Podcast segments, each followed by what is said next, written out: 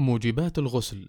تحدثنا فيما سبق عن أحكام الطهارة من الحدث الأصغر وحديثنا اليوم عن موجبات الغسل وهي واحد خروج المني دفقا بلذة في اليقظة وكذلك إذا احتلم فأنزل المني. ثانيا علاج الذكر في الفرج ولو لم يحصل إنزال للمني لما ورد عن النبي صلى الله عليه وسلم أنه قال إذا قعد بين شعبها الأربع ثم مس الختان الختان فقد وجب الغسل رواه مسلم. والمقصود بقوله مس الختان الختان الإيلاج.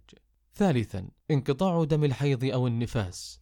ومن عليه حدث أكبر يمتنع مما يمنع منه المحدث حدثا أصغر الصلاة مس المصحف ويزيد عليه أنه لا يحل له قراءة القرآن إلا الحائض والنفساء فيجوز لهما قراءة القرآن من دون مس المصحف ولا يجوز للمحدث حدثا أكبر أن يجلس في المسجد كما أنه لا يحل وطء الحائض والنفساء ولا طلاقها ويحرم عليهما الصوم والصلاة وعليهما قضاء الصوم ولا تقضيان الصلاة. اللهم اجعلنا ممن يستمعون القول فيتبعون أحسنه. نكتفي بهذا القدر ونتحدث في اللقاء القادم بمشيئة الله عن صفة الغسل الصحيحة.